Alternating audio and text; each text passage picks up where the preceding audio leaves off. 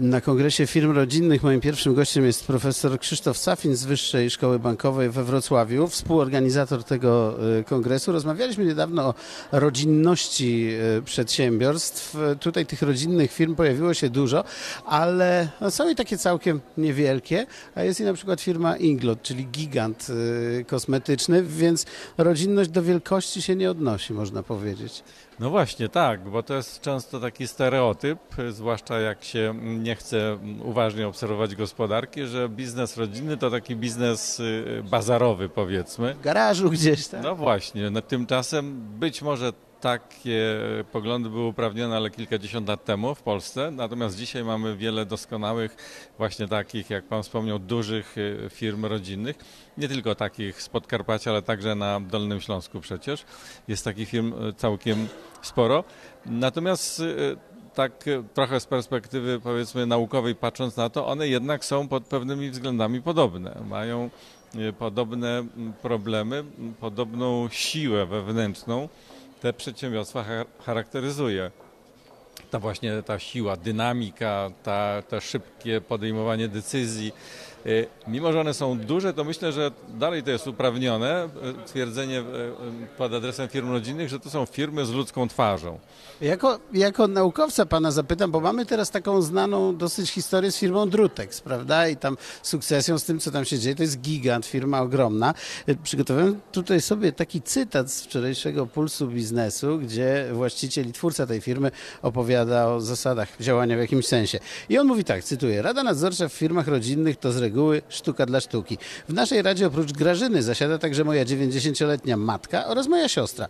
Teraz oczywiście się to zmieni, bo nie zdawałem sobie sprawy, jak groźny jest właśnie brak profesjonalnej rady. Grażyna za pełnienie tej funkcji otrzymywała 50 tysięcy złotych miesięcznie, ale do firmy nigdy nic nie wnosiła i tak dalej, i tak dalej. To niespotykana szczerość tego przedsiębiorcy z jednej strony. Z drugiej strony, czy to jest rzeczywiście jeden z problemów firm rodzinnych, że zamykają się w swoim gronie i no, nie widzą pewnych rzeczy.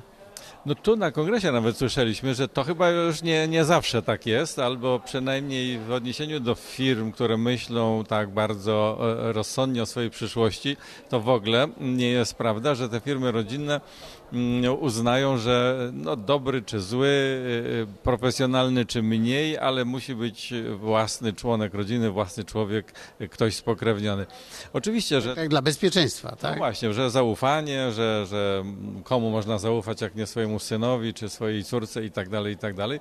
E, tymczasem no, rynek e, z jednej strony wymusza to, że musimy zatrudniać profesjonalistów, po drugie to członkowie rodziny też są e, już coraz bardziej profesjonalni, a po trzecie zatrudnianie obcych to także konieczność, ponieważ dzieci niekoniecznie potrafią, chcą, umieją współpracować z rodzicami. Być może na poziomie biznesowym to by się udawało, ale bardzo często na poziomie emocjonalnym nie. Rodzice wtedy albo rezygnują sami, przekazując młodszym, albo uznają, że e, pomogę ci założyć własną firmę, ale w tej firmie ja będę, jak długo się da, jednak numerem jeden. A co jest teraz największym problemem, jeśli można taką klasyfikację zrobić firm rodzinnych? To sukcesja właśnie? No sukcesja tradycyjnie, no bo, bo mamy falę zmian, ale przecież mamy też do czynienia z przedsiębiorstwami nie tylko w Polsce, ale i za granicą, które procesy sukcesyjne przechodzą już po raz kolejny, a, a problemy menedżerskie czy zarządcze mają również.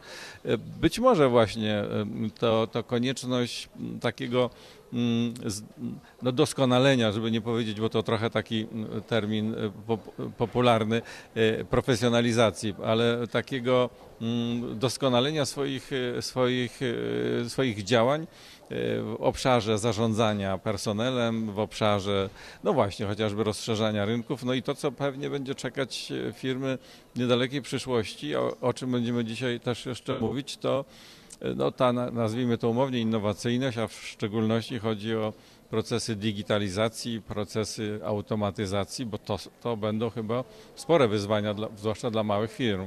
Ale ciekaw jestem, czy ten termin w ogóle się y, utrzyma w jakimś sensie. Termin trochę nieprecyzyjny. Czy komuś będzie jeszcze zależało na tym, czy będzie coś dawało podkreślanie rodzinności y, firmy? Firma ma być dobra, czy ona jest rodzinna, czy ona jest w jakiejś tam innej konfiguracji prowadzona, to właściwie może wszystko jedno.